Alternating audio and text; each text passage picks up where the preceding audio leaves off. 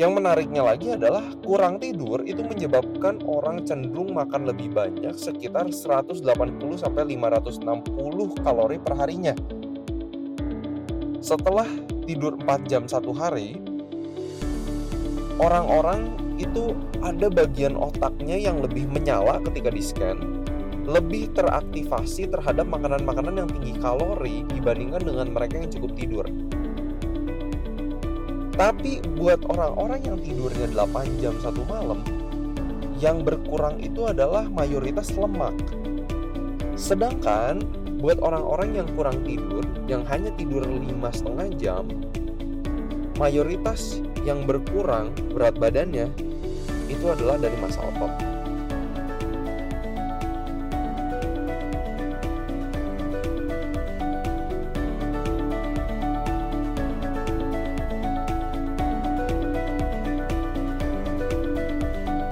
Halo semuanya, selamat datang lagi di podcast Sehat Sutunya season yang kedua. Masih bersama saya Will Yonas. Semoga teman-teman sejauh ini belum bosan dengerin suara saya. Itu mungkin yang bercandaan yang selalu saya bilang. Uh, Kalau teman-teman takutnya bosan sama su suara saya Tapi semoga informasi yang dibagikan tidak membosankan teman-teman. Selalu ada ilmu yang baru, ada gaya hidup sehat yang teman-teman bisa terus perhatikan dengan informasi apa yang didapat dari podcast ini. Terima kasih banyak buat teman-teman yang sudah kirim message ke saya pribadi bilang thank you udah bikin podcast dan akhirnya mengalami kemajuan kesehatan. Itulah yang berarti buat saya. Saya senang bahwa apa yang telah dibuat dari tiga tahun lalu 2019 ini ternyata membawakan manfaat buat teman-teman semua. Thank you so much. Dan kita masih di rangkuman buku How Not to Diet. Ini bagian yang keenam. Memang panjang nih teman-teman dibagi menjadi beberapa part karena isinya tuh permata semua gitu kalau menurut saya. Sayang banget kalau misalnya nggak dibahas dan buat teman-teman yang malas baca bukunya cukup tebal. Uh, jadi dan gak punya waktu kita akan ngerangkumin buat teman-teman.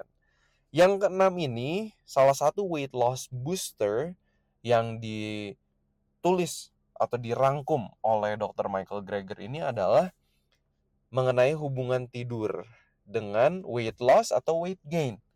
Ya, kalau ternyata kalau kita tidurnya cukup, memperhatikan jam tidur kita, itu ternyata bisa membantu mempercepat weight loss atau menjadi salah satu trik weight loss booster. Kenapa? Kita akan lihat alasan-alasannya secara science di episode podcast kali ini. Oke.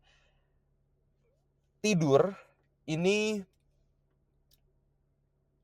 fondasi dari kesehatan. Bukan salah satu pilar, tapi fondasi dari kesehatan. Kenapa? Karena kalau misalnya bayangin aja orang nggak cukup tidur. Kemungkinan dia olahraga nggak? Nggak. Gitu kan? Sedangkan olahraga juga bisa jadi salah satu weight loss booster di part 5 yang sebelum ini udah kita bahas. Concernnya mengenai tidur ini uh, sebenarnya cukup serius. Karena kalau kita lihat di satu abad terakhir, durasi tidur pada anak-anak, remaja, itu sudah berkurang kira-kira 2 jam. Jadi kalau misalnya 100 tahun gitu anak 100 tahun lalu tahun awal-awal 1900-an anak-anak misalnya dapat tidur 8 jam satu hari, satu malam. Zaman sekarang itu rata-rata cuma 6 jam. Kalau orang dewasa mungkin di tahun 1900-an awal itu tidurnya tujuh setengah jam, sekarang mungkin cuma lima setengah jam rata-rata. Jadi cukup ngeri teman-teman kalau misalnya teman-teman ngelihat statistik-statistik mengenai tidur. Dan salah satu fungsi tidur itu adalah membuang toksin-toksin atau racun yang ada di dalam tubuh.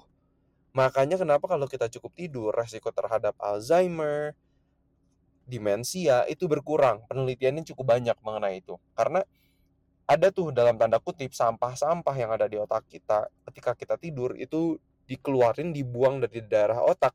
Tapi kalau nggak kita tidur, kalau kita tidurnya nggak cukup, itu bisa build up, menumpuk di situ lama-lama itu meningkatkan resiko Alzheimer dan demensia juga. Terutama khususnya kita itu perlu tidur minimal 7 jam. Jadi kalau kurang dari 7 jam, proses pembuangan toksin-toksin ini itu tidak terjadi.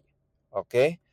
Jadi tidur paling resiko kognitif ya resiko penyakit kognitif ya yang berhubungan dengan otak itu paling rendah kalau kita tidur 7 sampai 8 jam per hari. Bukan uh, bukan lebih, bukan kurang. Gitu kan ini berdasarkan 9 penelitian yang mengikuti 22.000 orang yang diikuti sampai 22 tahun. Jadi penelitiannya lama-lama. Oke. Ini bukan penelitian yang sebentar, nggak main-main, meta analisis gabungan dari 9 penelitian. Jadi tidur 7 sampai 8 jam per hari itu solid banget solid banget ya. Dan juga resiko diabetes juga meningkat kalau misalnya kita tidur kurang dari 6 jam. Penelitiannya banyak juga.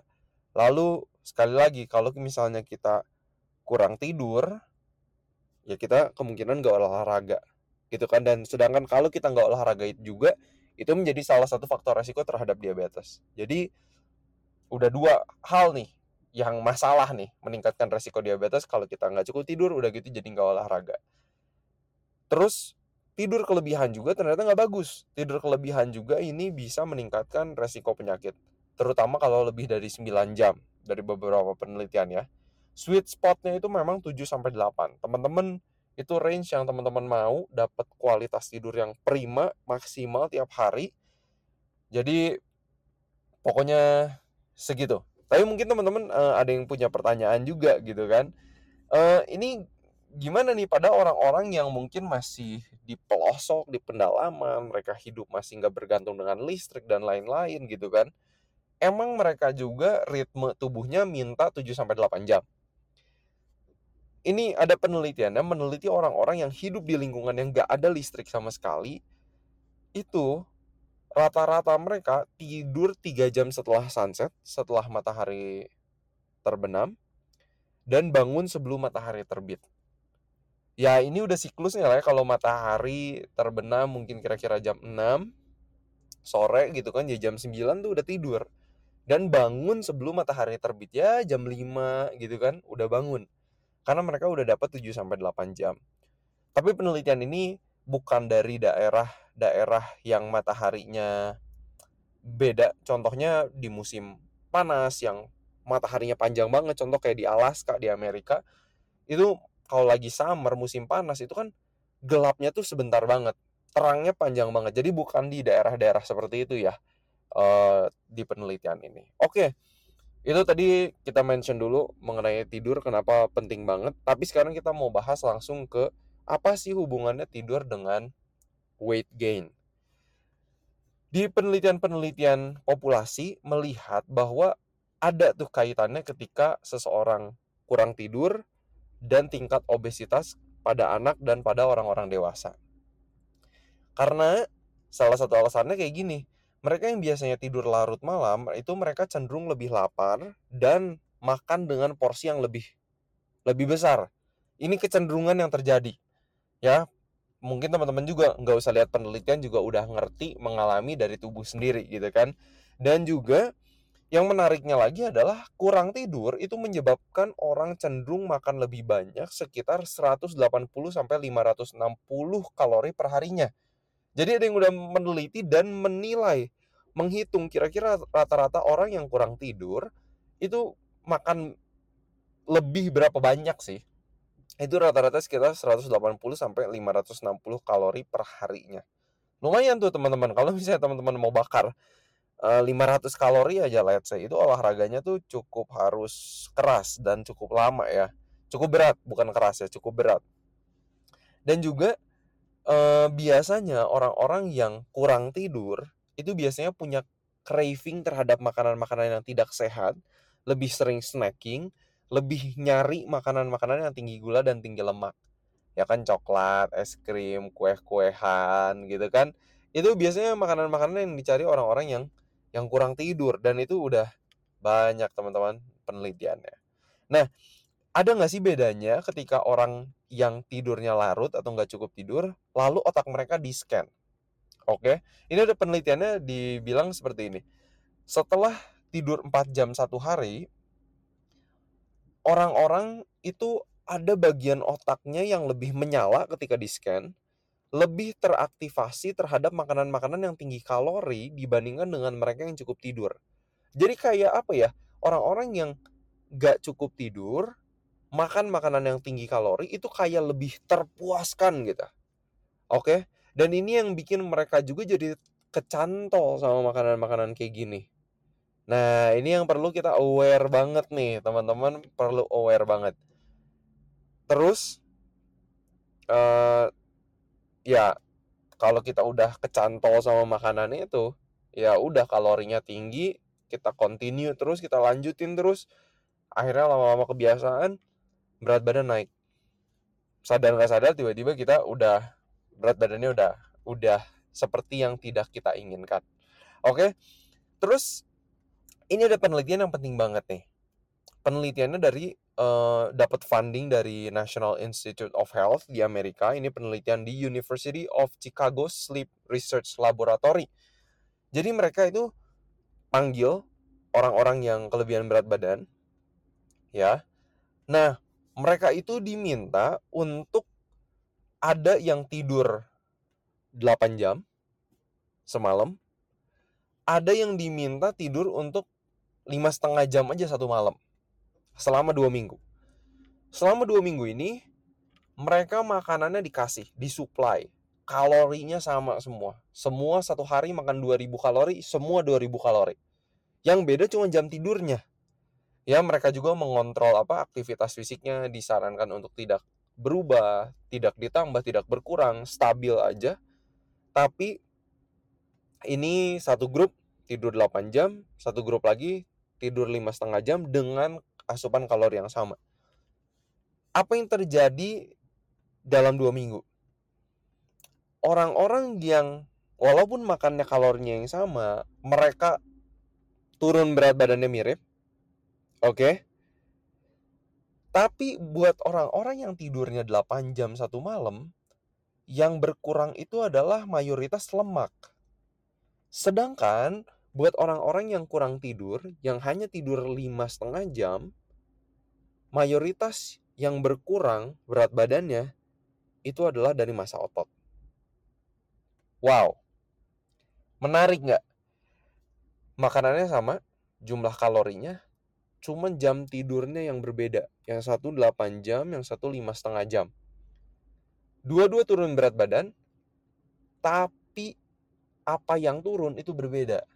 Buat orang-orang yang tidurnya cukup, yang turun, yang berkurang itu lemaknya, mayoritas. Buat yang kurang tidur, itu masa ototnya. Ini menarik nih teman-teman. Kalorinya sama loh. Tapi ternyata hasilnya berbeda. Makanya teman-teman, sekali lagi, penting juga kalau teman-teman ada kesempatan untuk cek di timbangan yang bisa kasih informasi lebih banyak. Bukan hanya mengenai berat badan kita berapa, tapi komposisi masa tubuh kita seperti apa. Ototnya berapa banyak, lemaknya berapa banyak, berat tulangnya berapa, berat airnya berapa, itu akan bagus banget. Oke, nah ini penelitian nih di University of Chicago ini konklusinya seperti ini. With the same diet but more sleep, they end up losing more than twice as much as body fat dua hampir dua kali lebih banyak berkurang lemaknya ketika pola makannya sama sama diatur tapi cukup tidur. Semoga satu penelitian itu benar-benar sudah mulai meyakinkan teman-teman bahwa cukup tidur itu bisa membantu weight loss kita. Memiliki berat badan yang ideal, lemaknya lebih rendah bukan masa otot yang turun. Oke. Dan juga ini untuk melihat lebih detail buat teman-teman yang penasaran sama science, um, para peneliti ada juga yang membiopsi lemak dan otot-otot mereka ini yang diteliti. Dan ternyata kurang tidur itu menyebabkan adanya tanda-tanda molekul muscle breakdown dan fat build up. Jadi ada molekul-molekul yang yang memberi tanda kalau kita kurang tidur, otot itu di breakdown, tapi lemak itu justru build up. Nah, ini teman-teman makanya ini penting banget buat teman-teman juga yang misalnya olahraga pengen membangun otot cukup tidur itu penting banget gitu bukan cuma ngomongin soal jumlah protein yang kita butuhkan olahraga ngejimnya seperti apa repetisinya berapa banyak tapi cukup tidur itu bagian penting dari pembentukan massa otot. Oke, ini juga penelitian weight loss 8 minggu. Satu grup itu cuman dikasih caloric restriction, jumlah kalori mereka dikurangin. Tapi satu grup lagi adalah caloric restriction ditambah kurang tidur satu jam setiap harinya. Tapi mereka boleh tidur lebih lama di waktu weekend. Oke, kebayang ya sejauh ini. Dan secara umum kalau kita kalkulasi jumlah jam tidur mereka itu cuman beda tiga jam aja secara jumlah. Tapi satu grup itu kurang tidur satu jam setiap hari gitu kan. Tapi weekend boleh tidur lebih banyak. Kalau kalau restriction group itu eh 80% penurunan berat badannya itu adalah dari lemak. Dibandingkan dengan orang-orang yang diturunin asupan kalorinya tapi kurang tidur, itu 80% penurunan berat badannya adalah sekali lagi dari otot. Teman-teman ini penelitian beda lagi dari University of Chicago tapi mendapatkan hasil yang sama. Semoga ini benar-benar udah meyakinkan teman-teman. Oke. Jadi kurang tidur itu bukan hanya meningkatkan resiko kenaikan berat badan aja tapi juga banyak teman-teman resiko lainnya resiko kecelakaan kita kurang bisa berpikir dengan jernih dengan baik. Itu pokoknya banyak banget lah teman-teman. Jangan pernah untuk kurang tidur. Oke okay lah mungkin ada beberapa kondisi pasti kita pernah kurang tidur gitu kan. Kalau lagi ada emergency dan lain-lain tapi daily habits kita itu harus tidur cukup. Period titik. Nggak ada alasan lain gitu. Uh, jangan biarin YouTube uh, Netflix whatever gitu kan untuk membiasakan kita terus untuk tidur larut malam. Karena ya nanti efeknya lama-lama ke berat badan kita juga kalau kita tidak memperhatikan ini. Oke so terus ini bagian yang terakhir gimana dong supaya kita bisa tidur lebih baik. Jadi banyak sih ya uh, tips-tipsnya tapi salah satu tips yang dikasih dokter Michael Greger di sini dari beberapa penelitian adalah coba membuat tempat tidur itu sebagai tempat yang memang buat tidur. Bukan untuk membaca bukan untuk makan bukan untuk main HP bukan untuk pakai laptop. Jadi bener-bener asosiasi koneksi dari otak kita oke okay, uh, eh, otak kita tuh bakal pikir oke okay, ini kasur tempatnya emang untuk tidur bukan untuk ngerjain yang lain. Ya itu juga itu itu penting banget. Udah gitu uh, olahraga secara rutin akan membantu tidur. Udah gitu menghindari kafein nikotin minum alkohol sebelum tidur. Um, ada beberapa orang yang mungkin lebih sensitif juga terhadap kafein mau minum kopi atau tehnya pagi-pagi malam-malam tetap susah tidur. Itu teman-teman harus perhatiin juga. Lalu membuat ruangan kamar itu gelap karena kondisi yang gelap itu paling bagus. Ya temperaturnya juga cool yang nyaman gak terlalu panas gak terlalu dingin biasanya kalau saya sendiri pengen temperaturnya tuh pas dipakai untuk pakai selimut gitu ya. Nyaman tenang gitu. Lalu juga coba biasakan untuk relax dulu sebelum kita tidur. Mungkin udah membiasakan diri. Kita mungkin target tidur jam 9.30 mulai jam 19 9.15 itu kita udah relax. Ya udah di kasur. Mungkin bisa melakukan breathing exercises tarik nafas yang dalam buang pelan-pelan. Tarik nafas. Buang pelan-pelan. Itu salah satu yang bisa bisa kita lakuin. Lalu khususnya kalau tadi ngomong soal kafein lagi sama alkohol biasanya paling banyak itu mengganggu kalau kita minum itu 6 jam sebelum kita tidur. Jadi kalau kita target tidur jam 9 malam ya jangan minum alkohol atau kopi lagi. Anyway itu juga bukan the best drinks bukan minuman terbaik air putih tetap terbaik um, tapi misalnya jam 4 sore itu udah paling terakhir gitu kan karena kita pengen eh sorry jam 3 sore malahan terakhir ya karena 6 jam. Lalu ada juga uh, yang bisa kita lakuin kayak massage yang ringan stretching light music terus juga ada white noise itu juga salah satu yang bisa dilakukan uh, dicoba untuk supaya kita bisa tidur lebih baik lalu mandi air hangat itu juga akan sangat enak sangat baik Jadinya teman-teman ini beberapa tips saja dari banyak hal. Ya pastinya jangan belajar untuk mengampuni orang supaya pas kita tidur udah nggak ada masalah. Kalau ada masalah coba usahakan untuk selesaikan terlebih dahulu sebelum kita tidur supaya kita bisa tidur dengan nyenyak. Karena sekali lagi kalau kita kurang tidur berat badan bisa naik, otot yang hilang juga, bukan lemak yang hilang, dan juga resiko diabetes meningkat, resiko Alzheimer meningkat, dan banyak penyakit lainnya. Itu teman-teman yang weight loss booster yang ingin uh, saya bagikan dari buku How Not to Diet. Semoga teman-teman boleh tercerahkan lagi bahwa tidur itu penting banget, khususnya kalau teman-teman pengen menurunkan berat badan. Teman-teman pastinya pengen lemak yang turun, bukan masa otot yang turun. Karena kalau masa otot juga turun, resiko terhadap diabetes juga itu akan meningkat. Itu selalu saya lihat uh, karena salah satu aspek yang kita cek di program diabetes rumah sakit Advent Bandung itu adalah komposisi massa tubuh juga dan itu sangat menarik untuk untuk diperhatikan gitu kan dengan apakah pasiennya setelah olahraga secara rutin berhasil menambah massa otot dan yang lainnya pokoknya pokoknya menarik banget anyway Semoga teman-teman boleh mendapatkan manfaat ilmu baru lagi, diyakinkan dan bukan hanya diyakinkan, aku harap teman-teman bisa mempraktekkan itu, berkomitmen karena masalah tidur ini bukan masalah orang lain tapi masalah kebiasaan diri sendiri. Disiplin gak kita? Ya, ini penting banget teman-teman. Semoga aku harap aku berdoa supaya teman-teman bisa disiplin mengenai jam tidur. Semoga teman-teman selalu bisa sehat dalam situasi apa pun. Inilah yang aku bisa bagikan. Semoga ini bermanfaat. Teman-teman boleh share podcast ini ke teman-teman yang lain ke keluarga sambil dengerin ini sambil commute di jalan sambil nyetir.